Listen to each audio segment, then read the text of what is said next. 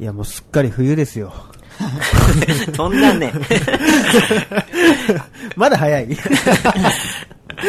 吹き飛ばしたね。寒いよね。なんか急に寒くなったよね。今日特にね。ね最近本当え。に、そうなんですよ。遊んでんな、それあの、大阪の公開収録以来ね、毎週毎ね、週末のように会ってます。へ蜜月をね、神田くんを毎回誘うけど、あの、最初行くって言っときながら、 さらってごめん、ちょっと原稿が、とか言って、あの、あの、わかりやすいなんか嘘感が ね、俺たちを傷つけてる。いいんだぜ、普通に。今日気分じゃねえで。ー大丈夫みんな言ってる よ。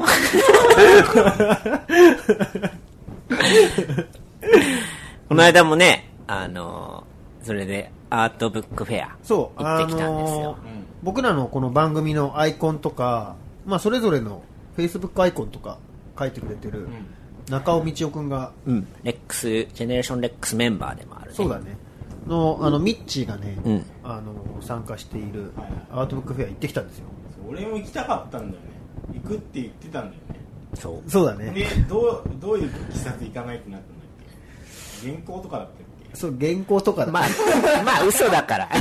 本当に行く気だったよまあ嘘だから本忘当れてにるわ行くけ。気だったよめちゃめちゃ行きたかったよ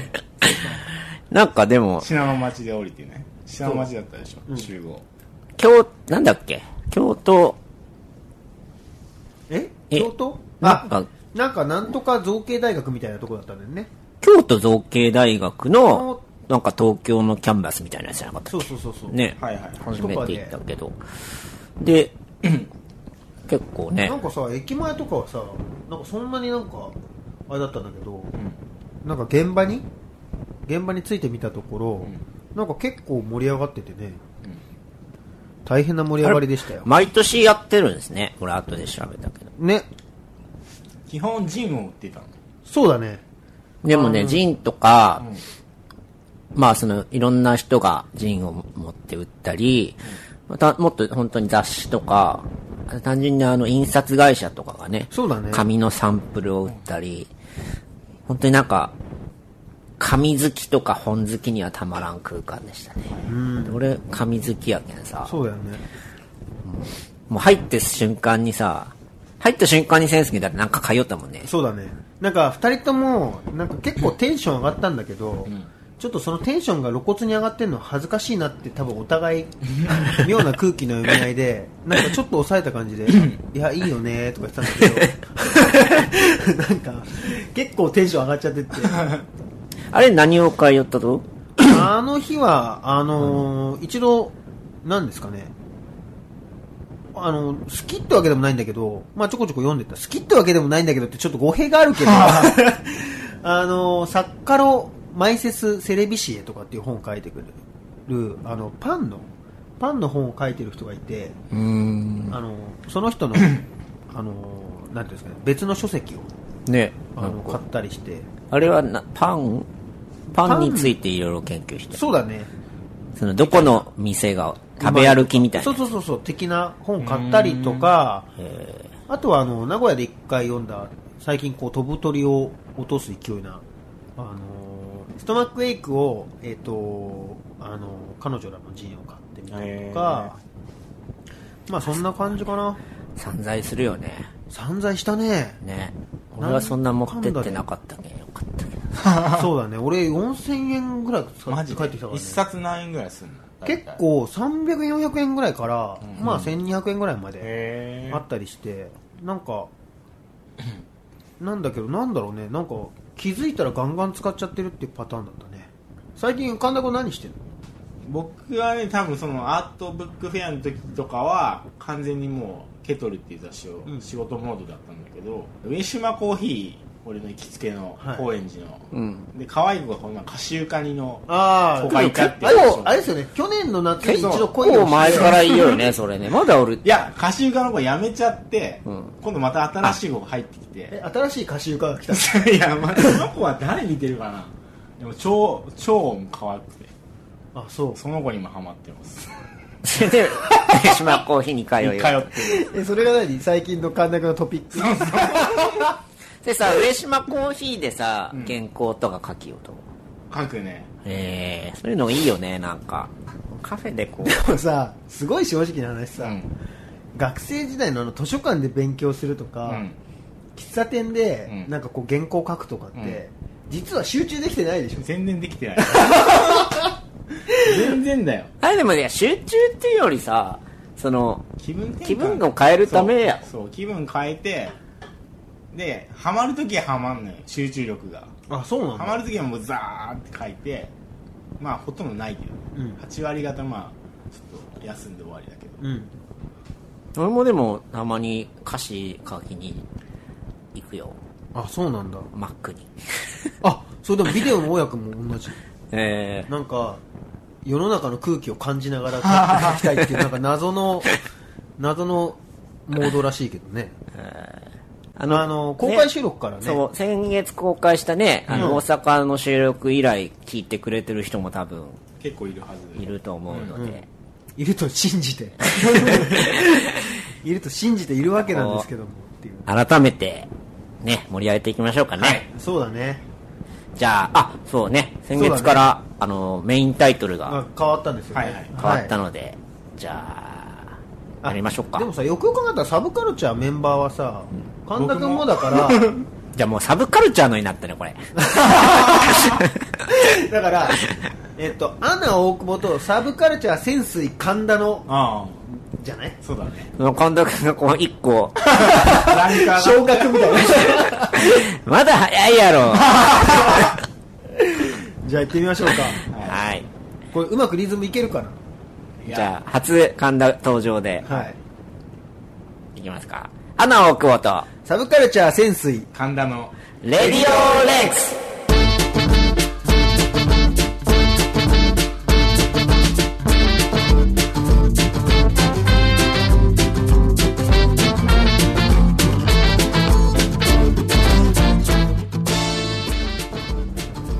はい、ということで、改めまして、アナ大久保です。えっ、と、サブカルチャーの潜水です。同じくサブカルチャーライターの神田で すほサブカルチャーをメインにした もん。でも使い勝手いいよね。サブカルチャーライターの。 そうサブカルライターだね。まあ、てなわけで、はい。何ですかね、最近は。なん、アマちゃんが終わったぐらいあ、まちゃんと、半でも沢みんなは見てないんでしょ見てないなん誰かもこれ見てないっていう。この、この3人のこのちぐはぐ感っていうのがまあね、なんかじ微妙に被ってるようで、思春期だけ被って、その後被ってないっていう。 そうだ ね俺、奇跡的にだってね、んあの、あれも、本当にあの、なんだっけ、あの、半沢直樹のさ、倍返し、一回も、その実物見たことないし、あの、おもてなし、あれもね、まだね、見て ない。ああそこは俺も一緒。おもてなしと倍返しはまだ本当に見てないうん。俺も見てないてか、あれのね、こう、正しいテンションみたいなのが、そうだね。想像でしかないって。なんかこう、お、も、で、なんかこう、天がついとうけんさ、なしっていう感じなんやうんろ。うん見た見てない俺もう全然わかんないなんだろうな、あれなあ、んかてか、だってほら、スポーツ興味ない3人やからね。 ちょっとオリンピック来ることに関してはどう思う オリンピックね どうなんだろう そうやん。てか、まずその話題なんじゃないの時期的に。いや、本当はそうだよね。なんか、あのさ、俺的にはさ、やっぱさ、オリンピックとか来ないでほしいと思ってんの。おおうんなんか、え、それは、その東京にってことだろ。そうう。ん。あの、お金うんぬんとか景気うんぬんとかじゃなくて、やっぱなんかこう、地元で静かに過ごしてるところに、なんかわけわかんねえ外人とか来んのすげえ嫌だなと思っ て。めっちゃ盛り上がってくんだよ、しかもみんな。なんかオリンピックフィーバーみたいなのでさなんかこなんかさ結構こっちとらその首都とかっていうよりは、まあそのまあ、そっか。地元やもんね。そう普通に暮らしてきた土地としてなんか急にさんなんだよっていう気持ちがすごいあるわけ例えばさ大久保君のは福岡じゃんさ、うん。福岡の街にさ急にさ外人がさものすごい来たりしたらさなんか「おいちょっと待てよ」「おいちょっと待てよ」でもね、あ、福岡もあの、万博があったからね。うん よかったっぴや。何それ俺も知らない。何ですか世界的な万博え、ヨカトピア知らないの知らなアジア太平洋万博。い。いつえーあれ、いつだろう俺が小1とかかなだからへー ?90 年とかかな。え、アジア太平洋万博知らない知らない。まあ、福岡を中心にあったんやけどさ。ヨカトピア が。全然わかんない。何よかった。もううちの、何がも良うか、ったのえ、ヨカトってあの、博多弁でさ、うんヨカトピアって いう、大そ、の、そのダジャレはわかる よ。そのダジャレは全然俺も神田君も理解してるんだけど、何が、よ何がいいののえ、ヨカトピアってそんな盛り上がってなかったえ、だからその、いつ頃いつ頃だから90年とかじゃないかな、91年とかなのかな。そんな頃よえ、あの、な、名古屋の万博は、森蔵吉森蔵結構でしょじゃなんか、それはわかる、覚えておる。ヨカトピアは、あ の、それは覚えてるっていう か、俺たち別に記憶をなくしてるわけじゃなくて、ヨカトピアについては知らねえん だよ、最初から。え、太平くんとヨーコちゃん、知らない。知らないよ、そんなの。ええ花博はじゃあ、大阪でやっあ、た。それ知ってる。知ってる花博は知ってる花博は知ってる。花博って花。内容はわかんないいけど、そう、うん花博っていう響きはすげえ聞いたことあるもん。花ずきんちゃんっていう。ええそれ知らねえ よ。 花ずきんちゃん有名だった よ。大平くあんとヨコちゃ花博ってわかんんなね。いけど、花博はわかる。なの、だから福岡タワーとかも、その時期に建ったんじゃないかな、だか多らも分。う福岡タワーがよくわかってねえもん、俺いや、たち福岡タワー知らないのいや、でもその時期やっぱ盛り上がったの、地元は。うん。まあ、本当にもううちあ歩いて10分ぐらいのとこがそのメイン会場で、もういわゆるその、一番近い町に俺が住んでて、まあ、うち、親がゼネコンなんで、んそれですごい儲かったし、知らねえよ。 あのね、とか、あの、俺、バブル、ほら、まあ、バブル世代ではないけど、 ちょっ恩恵とを、バブルの申し子的なと かあ、そうか。なるほどね。そうか。タイコトピアはそんな知らんのか。か全然知らないヨカトピアなんて。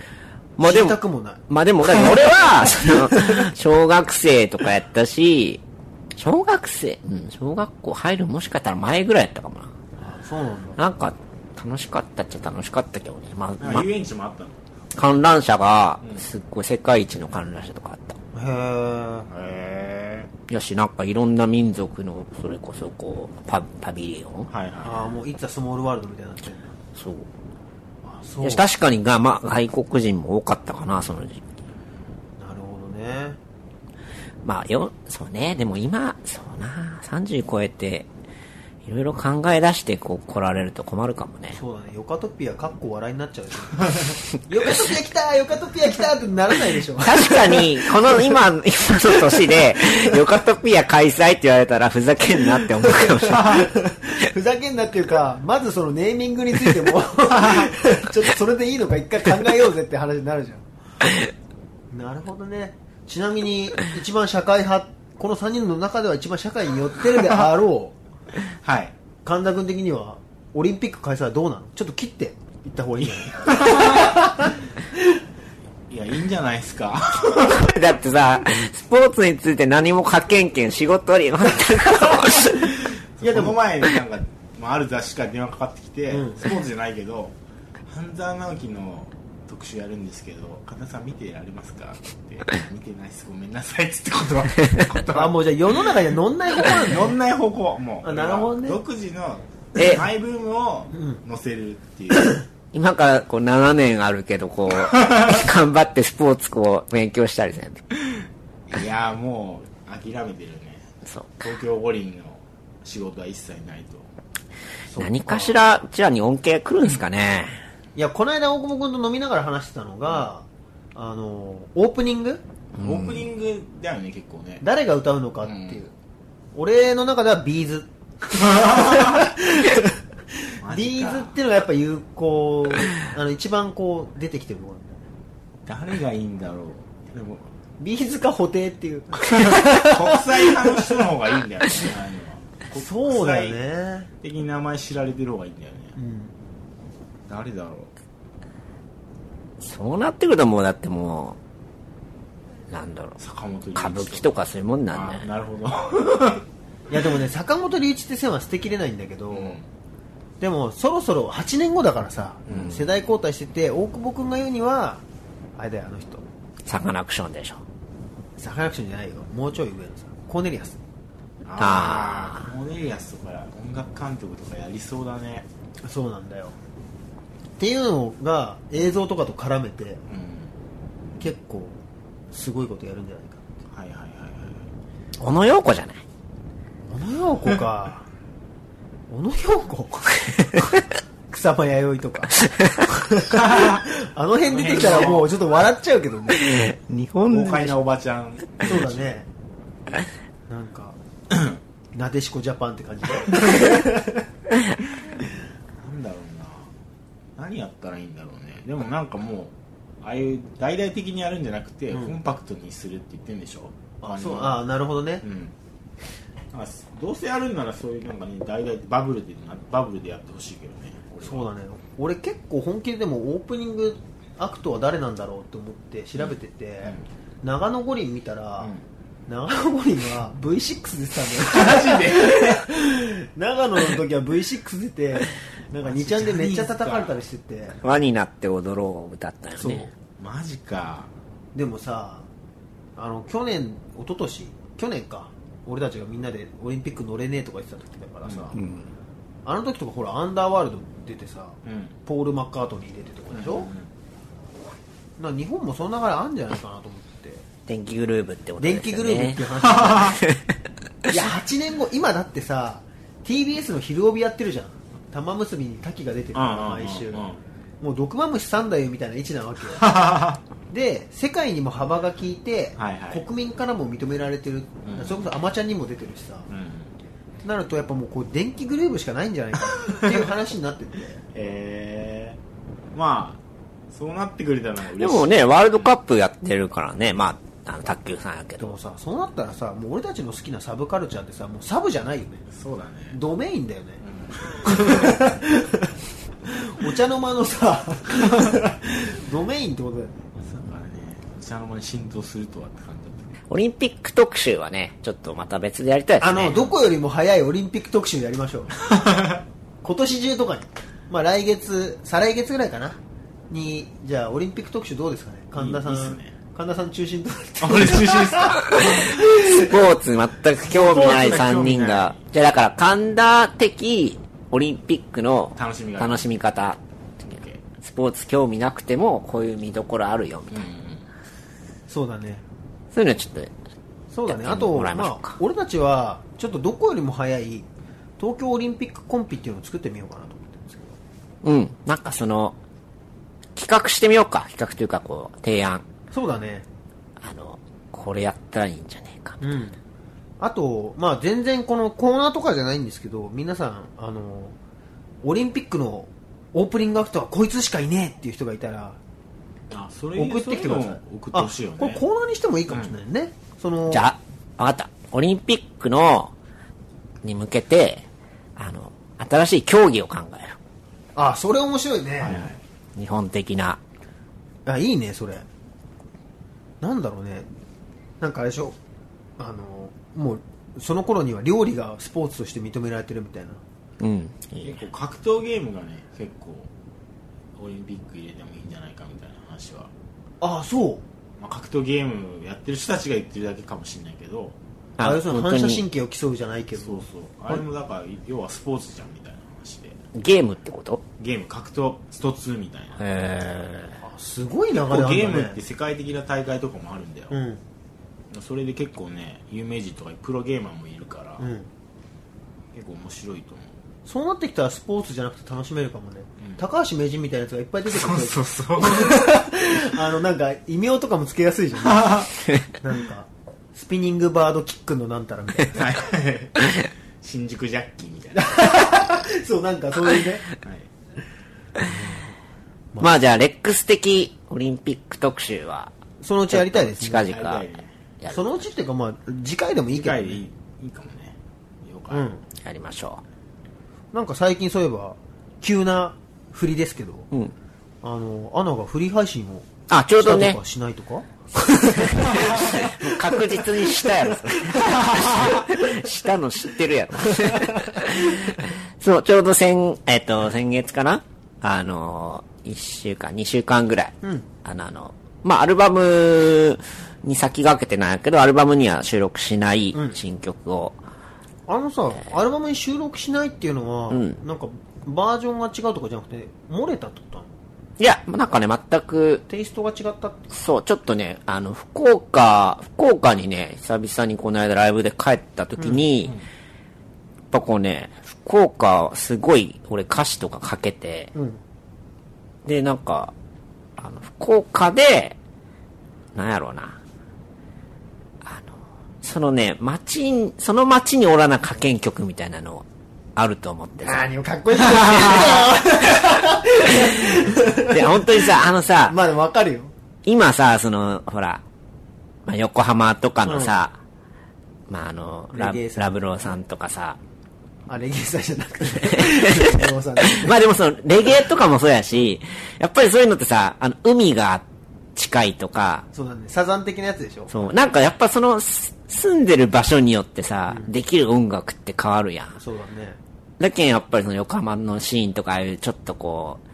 う、シティポップみたいなのがさ、今来とうしさ、で東京とかのさ地名とかもさ、そういうこうあの歌詞に出てきてもさ、成立するけどさ、例えばな大阪のさ、街の名前とかってさ、そういうちょっとこうなんやろアーバンな曲にはさはあー乗らんと思っちゃうやっぱ大阪だとやっぱブルースとかそうだね。はいはい大阪で生まれた女みた いな。そのなんかそういうのをすごい考えて、で、福岡帰ってた時に、福岡ってなんかね、その、やっぱ都市やし、でも海とかもあって、え、都市っていうのは x ジャパン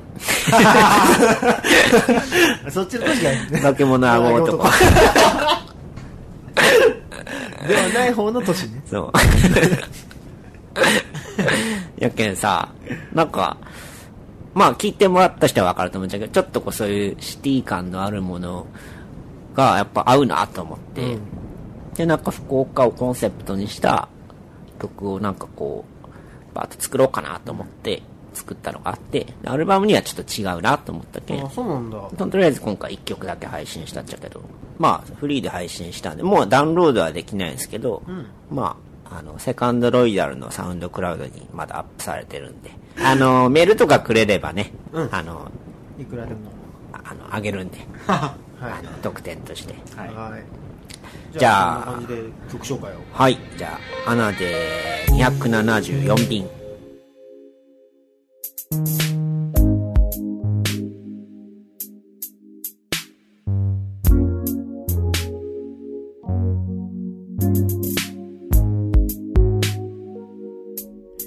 空港へ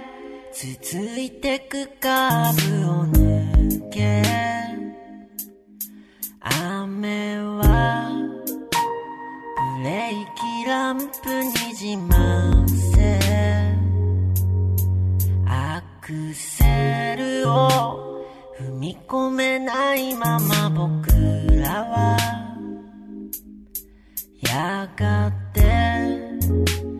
たどり着いてしまう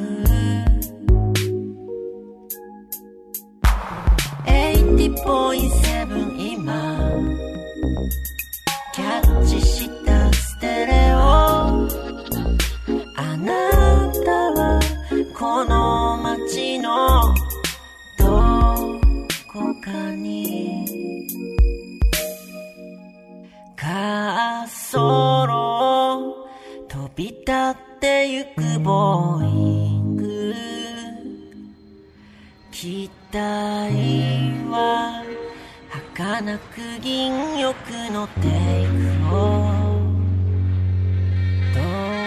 ざかるこの街は嫌じゃないけど時が生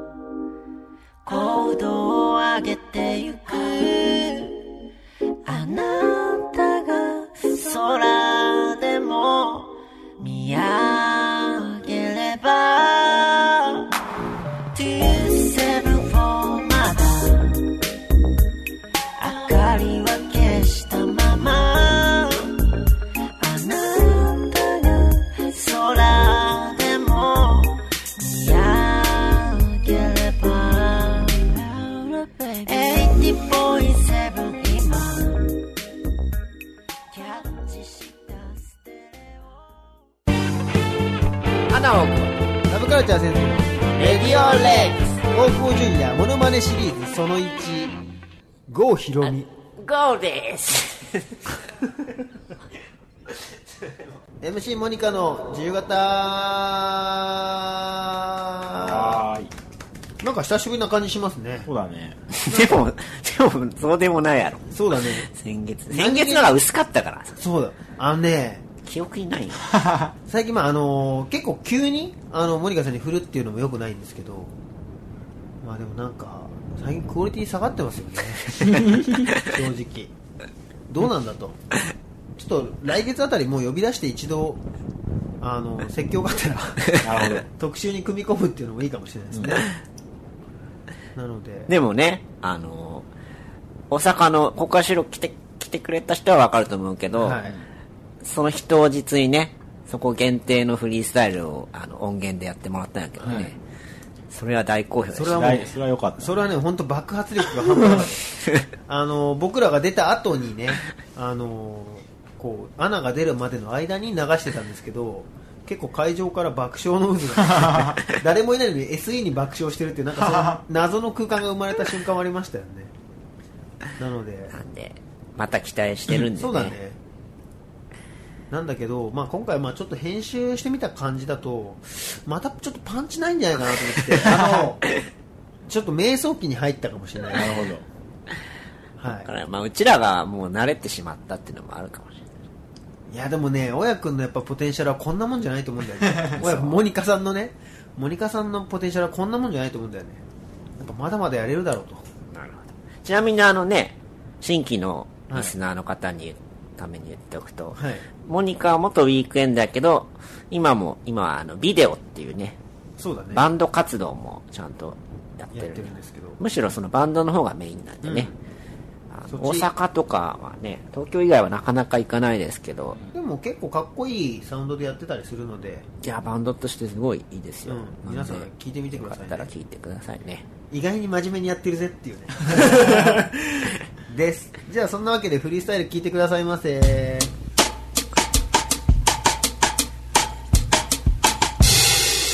今回こちらに捕まった容疑者3名を同行するいずれも完全なる凶悪犯であり歴史に名を残すであろう過去最高の凶悪な犯罪者であるまずは1人目名前を言えああおうおう俺はアミ高一あさおうああ網戸を見たら外したくなる病気さ街中の網戸を見たら俺は網の目からその業者をあり当てることができるそうこの辺の界隈の網戸は全部外しきったおうアミゴアミゴと言われたら振り向いてしまうそんなちょっと狂った病気さ1人目網好き外す日本中の網戸を外しきりそれを蜂の巣と取り替え日本中にスズメバチ病というのを流行らせた第一級戦犯であるそれの刑により懲役160年が求刑された2人目名を名乗れ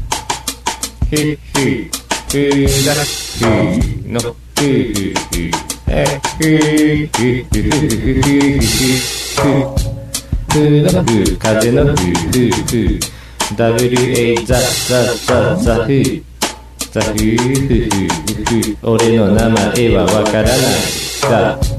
レと言われても俺誰だかわからないザふザふふふ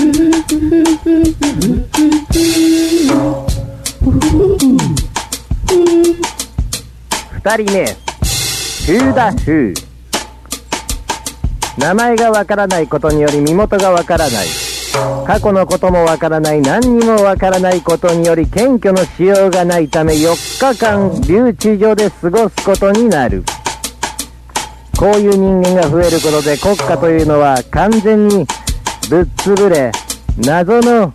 集合体になってしまうのではと危ぶまれたため国からは最重要人物と言われることになる3人目名乗れはい、はい、はい、はい、はい、俺の名前は、片山ログ彦。略してカタログ。世界中のカタログを集め、それを読んで物変わんない。だから経済も回らない。カタログ大好き、片山ログ彦。彦、彦ログ。ヒコログってのやってるから見に来てくれ一番いいカタログを俺が自分の審美眼で選ぶブログだヒコログそれは心に響く心ぐ和らぐそういうのがあったっていいだろうヘイブラザー片山ログ彦あまりアクセス数の伸びない何とも言えないブログをやってるため仲間内からはログネボーと言われバカにされるなんとも不思議な3人の登場でしたはい、というわけでして。なるほどね。 いや、なんか新しい世界にチャレンジしようチとしャてレるンのジは、時間は、わかるんだけどね。いや、だいぶチャレンジしてます。でも逆に言うとチャレンジ感しかないよね。なんか。俺はね、ここら辺で一回ね、バックトゥザベーシックで、あの、モニカさんも一回目の放送とかを聞いてほしいなと思うよ。一回フレッシュな感じも欲しいよね。そうだね。でも、まあ、俺たちのハードルがやっぱ上がってんのかな。あ、そうかも、 1ね。回目とか結構今聞いたらね、そんなに細工してなくて。そうだよね。うん。でもあれで大爆笑だったからね。そうだよね。ういん。や、でもさ、もう2回目から最高を仕掛けた時点でさ、このやり合いは続いていっちゃうよ。年末一本さ、生でやってみてもらおうか。 初のそうだねまあね。この場所でう。ん、初のね、うん。あの、別にその、録音っていうかでもいいから、そうだね年内にじゃあ一オン回エア前とかに一本パッと撮ってもらそっうだて、蔵出しですぐ出すっていう。そうだねやっぱそれこそがフリースタイルの醍醐味だもんね、じゃあ MC モニカの自由形でしたアナ大久保とサブカルチャー選手レディオレおてもやん。おてもやんライター神田の映画黒歴史。暗い始まり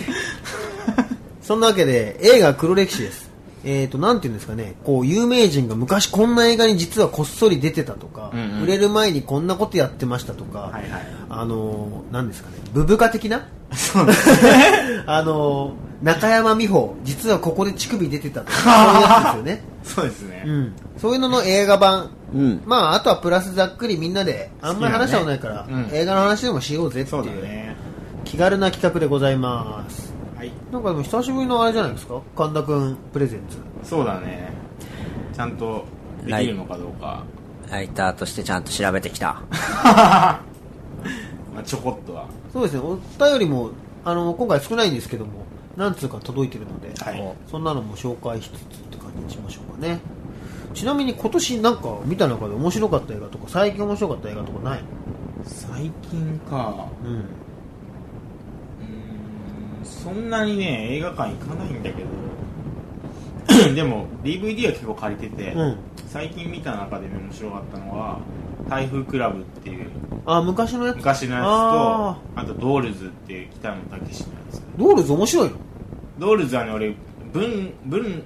文学文楽文楽のシーンが最初にあるんだけど、んそれがすごい良かったなあっていうそうなんだいへや文楽見に行きたくなったっていうえー、なるほどね、うん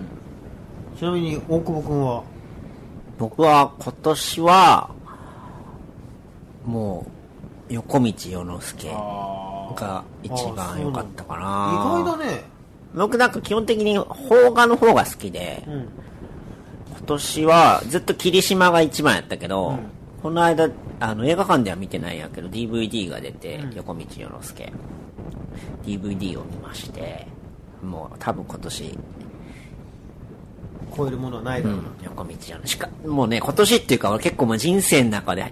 の数本に入るぐらいよかああ、そう。あうあ、そうなんだ。まあなんかでもなんかね、まあ周りにも結構いい良かったっていう人おるけど、僕はなんかそのすごい個人的な感情っていうか、すごいこう、共感する部分があるからっていうのもある、わかるんやけど、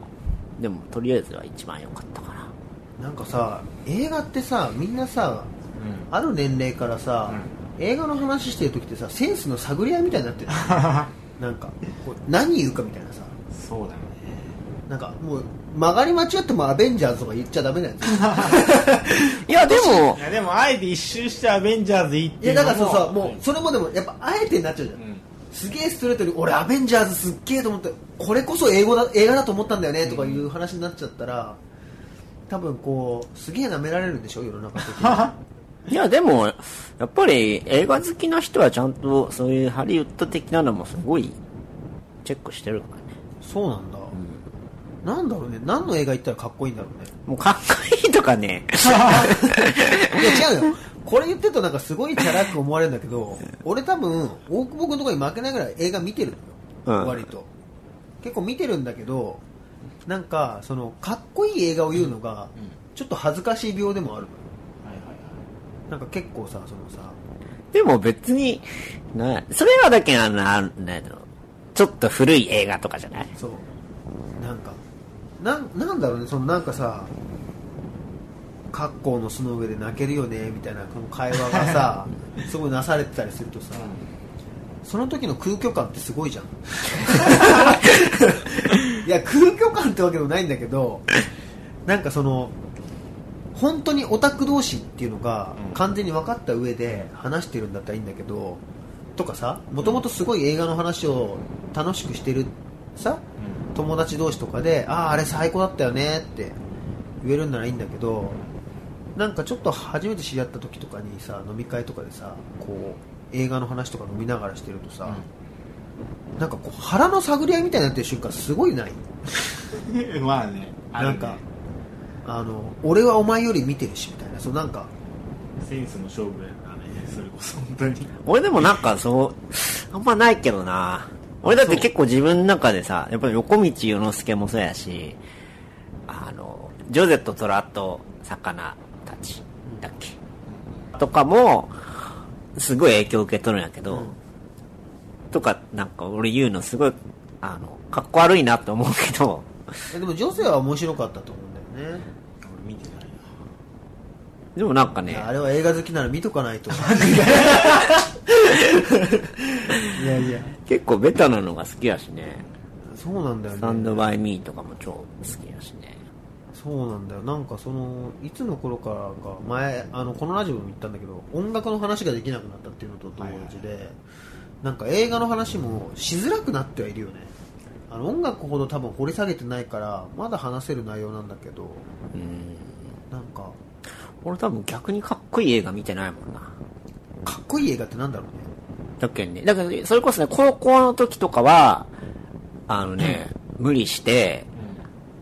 あの、なんだフランス映画みたいなうん、とか、キチガイピエロとカかラみッたいクなスみたいなあの、きんレオスカラックスあ、もうわかんない。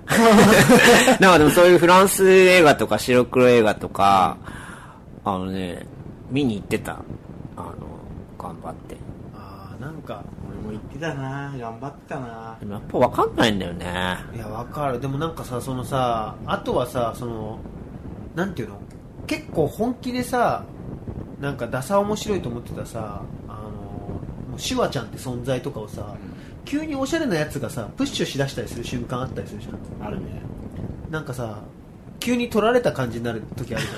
じゃん そこもおしゃれに組み込まれんのかよって思う時あるじゃんあれがねすげえ腹立つんだよねまあいっかこんな話は なんで何の話か全然わかんなくなっちゃったけどそういや俺さ俺3日前ぐらいに映画見たわそういえば何見た台湾アイデンティティっていうねドキュメンタリーを見に行って、うんポレポレ東長野っていう ね、結構ディープなところデですィーねプな、ディープな映画館だけで上映されてたやつなんですけど、まあ、台湾の、日本があの占領した時の、あの、に、台湾にいた人たち、先住民とかうんうんのな日本語世代っていうんだけど、うん日本語喋れる世代の人に、まあその彼らはアイデンティティどこにあるのかって台湾なのか日本なのかっていうのをインタビューで探ってた映画で、へ結構ねなんかまた別の面から台湾を好きになったなというーそっかかはい、なんかあれだよね最近さうん、あのドキュメンタリーの流れがすごいあるよねここ10年ぐらいそうだねなんかさ俺たちちっちゃい頃ってさドキュメンタリーってあんまなかったような気がするんだよねそうだね雪雪で死ぬぐらいじゃない俺たちちっちゃい頃全然注目してないで しょそんな 昔のドキュメンタリーっつったらそれぐらいしか思い浮かばないそうだよね、だからまあそんなわけで映画もねいろいろ変わってきてるよね薄いな。いや薄さがバレる前にちょっとはがきいってみましょうかはいはい。じゃあ、えっと、まず1つ目ですね。えー、潜水さん、大久保さん、神田さん、こんにちは。初めてメールします。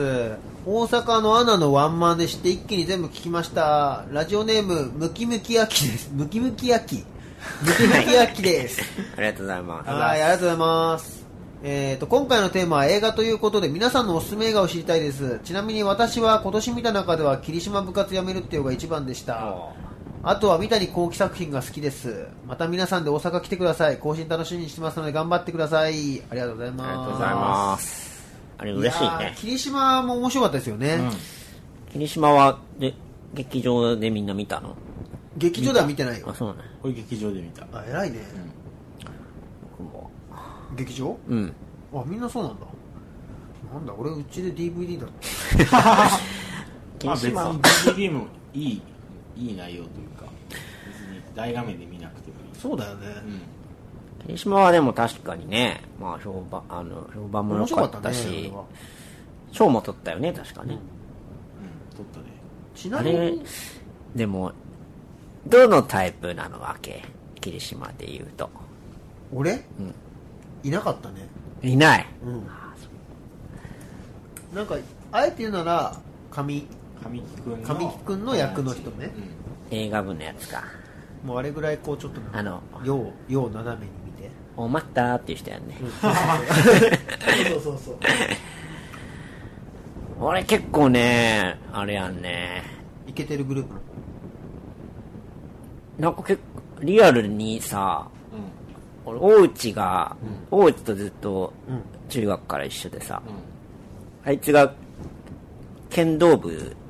首相、首相、首相で、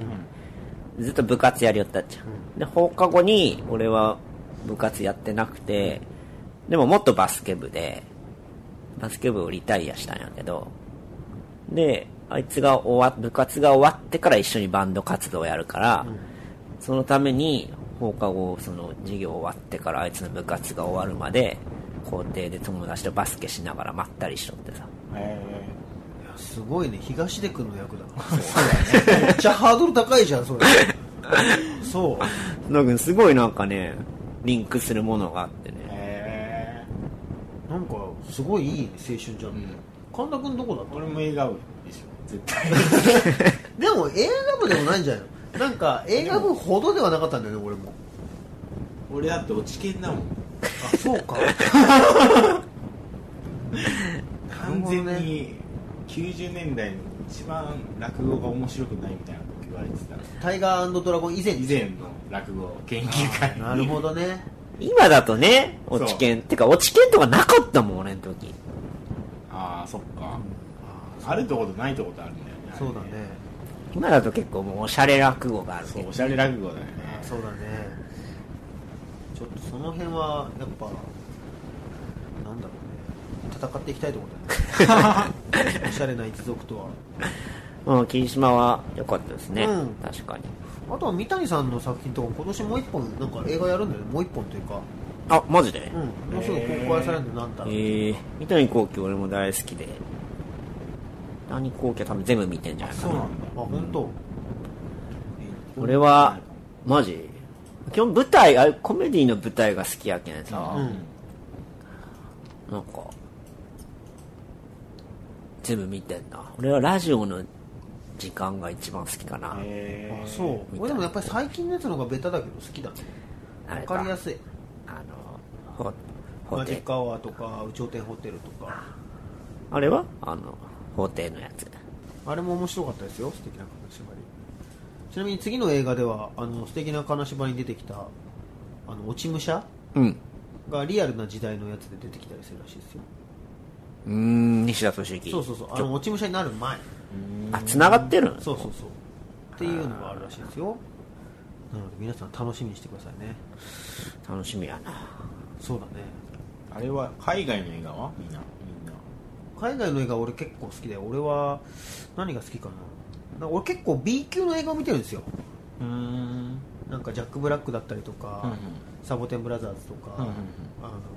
ワンダとダイヤと優しいやつだとか全然わかんないあのね そういう本当くだらないの見てて、うんあのコメディ全部結構コメディ的なやつとかあのズーランダーっていうなんかそういうのやったりしてなんで結構その一人でこうくだらないものを掘り下げてはいるんですけど、誰とも分かり合えないっそうだねていう ね大丈夫かなこの映画企画大丈夫だよ。俺たち大丈夫なんか分かり合ってるこのわかりやすい映画に俺わかるよ。あ本当俺、先生君にすごいおすすめの映画とかあるもん。何何なんていうの童貞ウォーズ。童貞ウォーズあ言ってたね そうそう童貞ウォーズなるほど童ね貞ウォーズ超おすすめで、うんやけどね、パノラマファミリーのゴメス君に勧めたらね、珍しいよ、あの、奥尾君に勧められた映画、全然面白くなかったって ね、メールが来た。ちょっと今調べたらタイトルひどいですねスーパーバット童貞ウォーズあ、そうだ、スーパーバットだ。絶対先生君とかは好きだと思うな。あ本当。ちなみに俺結構おすすめする映画は外さないと思うんですよね俺だってバス男勧められてね、はいはいはい超良かったもんね。そうですねもうタイトル変わったんだよね確かそうようやく変わりましたよあ、そうなんそうですようやく元のナポレオンダイナマイトになりましたその日本版もってことそうえですー、ねローマの休日好きなんだよなんだよそれ嘘だ本当なんだあのタイミングでそんなのないでしなょローマの休日が本当最後泣けるえー、そうなのうん泣いてしまう最後あちなみにね、ローマの休日のうん、オードリー・ヘップバーンの、うんあの、泣いてるシーンは、あれは監督にう怒られて、演技のことで、うん泣き出して、うんあ今だっつって、その涙で撮影したらあしいよ。そうなんだへえ俺の映画豆知識。 来たね映画豆知ローマ識の休日あれなんだよねあの広場あるじゃんあの有名な、広場でなんか主人公と、まあ、あのヘプバーンが会うところシーンがあって、うんそこの後ろに時計が映ってんだよ、うんでも同じあの同じ時間のはずなのに、うん撮ってるあれが違うから時計がめっちゃ進んでんだよでそのまんまあ放送しちゃあのなるほどうんね、なるほどね時計の時間が合わないんだよ昔のそうそうディティールのそ甘うさそうというそうかそうそうそういう話いい なあ。俺はそういうの欲しい ななんだろう ねマイケル・ジャクソンのビート・イットのさ、うんあの、みんな大人数で踊る、あのさ、バックにさ、一人さ、もう明らかにさ、踊り覚えてきてなく てさ、めっちゃ下手なやつがおるの、ちょっと。知らないあそうなんだ、うん。多分監督が本当にそこ気づいてなくて、もう本当になんか周り見ながら、キョロキョロしながら、無や理べえって無理まり無理やり合わせてるやつが一人おるんよ。すごいね、ワンテンポ遅れで。なんかねちょっと話変わるけど、うんその結構今自分自主的に見る映画とやっぱ昔なんか親とかに連れてってもらって映画って結構覚えてるもんもんなんだあよーねその今自分で見る映画よりも、結構なんか昔の子供時代に見た映画の思い出とか結構みんなあるのかなと思って俺だとね、うんあのホームアローンとかあめっちゃ親とかに見せてもらってもうめっちゃ爆笑した思い出があるよあああそうだよねあの辺なんとか物語とかさラッコ物語とかさあのね俺はねでも当時から、今でも今でも多分ベスト3に入るぐらい好きだと思うんだけど、うんあの当時見て面白いって思ってから今まで好きなのが、うんグーニーズとかだねやああはいはいはいっぱグーニーズやっぱ子供の頃見てたよねみんなね見たでしょあれ、うんで毎年なんか夏休みみたいな時にはさグーニーズ必ずやってたんだけどうんうんさうんいま、未だにやっぱすげえ面白いなと思うし最高だなと思うんだよねこれそういうのでやっぱスタンド前にあなあそうあかあいいねビデオが家にあってさ、うーんサンドラもあって音楽がそのやっぱ良かったしねああ音楽のいいのってあるよねあのバグダッドカフェとかさはいはいはいこれ今ちょっと俺おしゃれ感 元祖ミニシアター映画で すそうだねあのコーリング U コーリングそうですねはいはい一応 iTunes に入ってます そうですねバックダットカフェも別に面白くなかったんだよなそうダラダラ長えし さあもうミニシアターって感じちなみにスタンドバイミーのあのさエースやんあのリバーフェニックスじゃじゃあのほらヤンキーおるやんうん一人リバーフェニックスとかうんのお兄ちゃん、はいちょっと年上のああ,、ーはいのエースがあれやっけねあの24のあの主役のあそうなのあのドキドキキャンプが真似してる全今然俺たち24の知識がないえ俺も24見たことないけどほらおるやんなんかいやそれ言ったらだってあれだぜグーニーズのさあの中国人の男の子いるじゃん、うんあれも24出てるらしいぜあそうなんだへえあそこみんなそういう人たちの集まりなのかなあのなんだっけスタンドバイミーの男の子、うグーニーズにも出たよねあそうなんだこの え何この不毛な感じ大丈 夫これちょっと今回の特集のちょっと待って神田編集長編集が成り立たなさ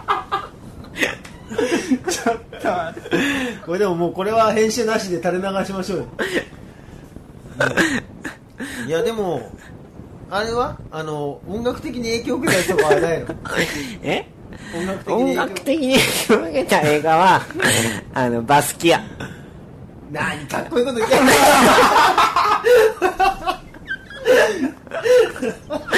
バスキアってバスキアでもバスキアとあのーなんだっけそのスタンドバイミーのサントラはもう本当に中高時代めっちゃ聴いてた、へえそうなんだ、うん、サントラをまず買って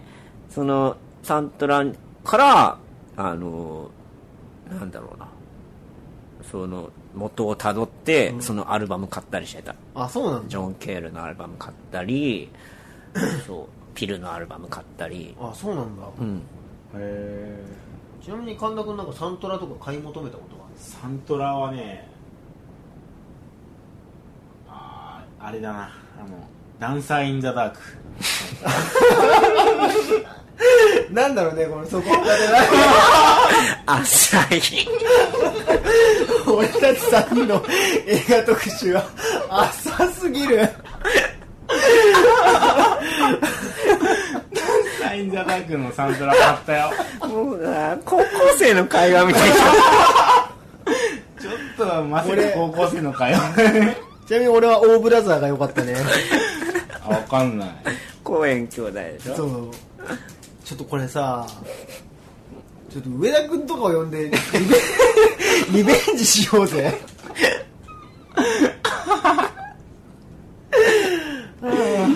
サイン・ザ・ダークいやいいよねでもねあれね最高だよあれ最高だったよねあとやっぱ踊る大捜査 線花を組むサブカルチャー鈴木のレディオレック最近に生まれたらクリントンって名前がいいですクリントンなんか美味しそうだからいやグダグダしてまいりましたがもう一通ハガキが来てまいります、はいはいえっ、と大久保さん潜水さん神田さんこんにちはこんにちはえっ、とラジオネーム あこの人も久しぶりですねアナルほじり虫ですどうももうなんか全体的にすごい下の、下のネームが多いですね。 えっと、映画黒歴史ですが、私の知っているのはミュージシャンのエアコーと車谷浩二さんが昔お、エロチック学園映画のパンツの穴、 おう向け袖向けないイチゴたちに出演していましたしかも監督は若松浩二監督でしたぜひ東京でも公開収録やってくださいということですはーい。はーいパンツの穴ねパンマツ工事なの若松浩二さんって去年か今年か亡くなっちゃいましたねあ亡くなったっけそうだよ、あの、新田、新田さんがね、うんですよね長寿。えー、えこれってさバックの前後バック、パンツの穴だから、バックの頃なんじゃないあそうなんだ多分、だってその、なんだバックやりながらババックをやりながらパンツの穴だっていや、ででもも僕、ちょっと待ってこのパンツの穴向け袖向けないイチゴたちって見たことあるないないよねそれはない。でも僕、パンツの穴シリーズは結構見てましたえね。なシリーズなのパンツの穴はシリーズ、シリーズ。なパンツの穴のシリーズは え、見たことない全く。全くない俺多分へえ。あこるれはなんか見たことあるあれでも、菊池桃子のデビュー作で、ああそうそう。っていうか、あれだよ、去年ぐらいに最新作が、パンツの穴童貞、なんだっけな。あその童貞ウォーズ的なやつなの内容的にはなんかね、まあ本当に学園エロティ ック、もう本当に昔あるようなさ、うんあの、中、中学生とか高校生の、うん別にもうセックスシーンとかはない、うん、はいはいエロ学園ドラマなんやけど、なんか本当は俺、中中学生ぐらいの時に、その、深夜にさ、ああ地上波でギあーギリオンエアできる V シネマみたいな。あ楽しみだったやつだそう、夜中の、 あの、日曜日の夜中とかにさ、 あったねここっそり起きて、うんあれでしょもう新聞のあのラテ欄にさ、パンツの穴って書いてあったらもう必ず起きてみよっ たもん。ああでもそうそういうやつだそうそうそういうやつにえっとエアこと車谷浩二さんが出てたんだ出てたみたいね。俺でもな、ちなみに俺もそのネタ持ってきてて、うん俺それじゃないんやけど、その、なんか前後どれかわからんけど、うんパンツの穴シリーズの「キラキラ星見つけた」っていう回にうん浅野忠信が出てたあえそうそれはあのね本当にあの俺中学生ぐらいの時にうんそれこそ深夜にパンツの穴だと思って深夜起きて見てたらなんか準主役ぐらいの位置で浅野忠信が出てきてへえでも本当中、高校生ぐらいの役やったかなてか多分高校生ぐらいやったんじゃないかな、その田中さん。なんだろうねそのやっぱり売れてない時期にこうそういうのに出ちゃったのって恥ずかしいもんなのかね後でな言われるとどうなるね。なんか消してる人もいるよねいるけどさでプロフィーもルから結構男としては美味しいみたいな気持ちもあるじゃんなんかでも、あその当時は、俺結構ショックやったもんね。その、中学生とかでさ、もうまさにあの、なんっけ、あの、浅野忠信っつったらさ、あのピクニックとかさ、あああの、チャラは、いチャラとやってたやつ。岩井俊二監督そのう。とかめっちゃ好きで、うんしかもまあ一番こう役者としてさ、うんこうもう来てた時や、、うんんもうなんかそれこそちょっと頑張ってちょっとわからんけど、借りてきてみるみたいな映画には絶対浅野さんで撮って、そんななんかこう深夜にさ、パッてエロいの見たらさあれこれは、あこれ浅野忠信さんじゃねえみたいな思ってさ、それやった時すごい鮮明に覚えとって、で、今回この企画で調べ直したら、そのキラキラ星見つけたってやつに出とった。あそうなるほどねパンツのあんなシリーズは、多分今改めて見たら面白いよ。そうなのかそっかオグニバス形式なんだね結構俺なんだろうねそういう黒歴史ってあんま知らないんだけどなんだろうベイブの監督が昔マッドマックス2を撮ってたとかそういう感じベイブ。あの小豚の可愛い映画ええそうなんや。えなんだこのこのすごい薄いトリビア感。へ まあ、なんだろうね、やっぱ、映画って本当にいいものです。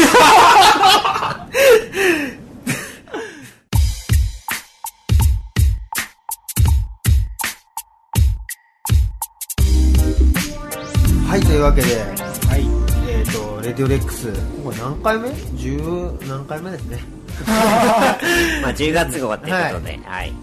ですが、えっ、と、まあ、イベントが後なので、今回から聞く人なんかもいると思うんですけど、どうだったでしょうか。あなたの心に何が残った何も残ってないやろ。 カツの穴見てみようかな、ぐらい。 それぐらいの感じだと思いますけどなんか告知とかはないんですかあ僕はじゃあちょっと言わせてもらいます、えーっと「スペクテーター」という雑誌が、はいえー今絶賛発売中ですので読んでもらえたらなと思います何を今回は書いてるん今ですか回はですね野生に帰ろうみたいなテーマで、うん僕はインタビュー内田純子さんっていう結構あの動物を解体するあの古ると屠殺工場とかの取材をしている方のインタビューをしましたんでぜひとも読んでもらえたらなと思いますなるほどねそれはじゃあ皆さんぜひ読んでくださいはい僕も何かありますえーと、アナはですね、えーまあ、アルバム完成記念パーティーやったので、あれですけども、まあ、もう、来月ぐらいに詳細が発表されると思うんで、うんまあ、アルバムができましたよっていうことそうですねだけですね。あの会場にいた僕らはアルバムタイトルなんかもね聞いてるの、で発売日とかも大阪だけでは発表しましたけど、そうまあそこはもうちょっとお待ちください。はいで東京でもね、あのーあの公開収録大阪が評判だったんでちょっと東京でもやろうかなと、今企画してるんで結構いいお話なんかもねちょこちょこいただいてるのでそれも皆様楽しみにしといてくださいぜひ遊びに来てください、じゃあそんなわけで、はいなんですかね皆さん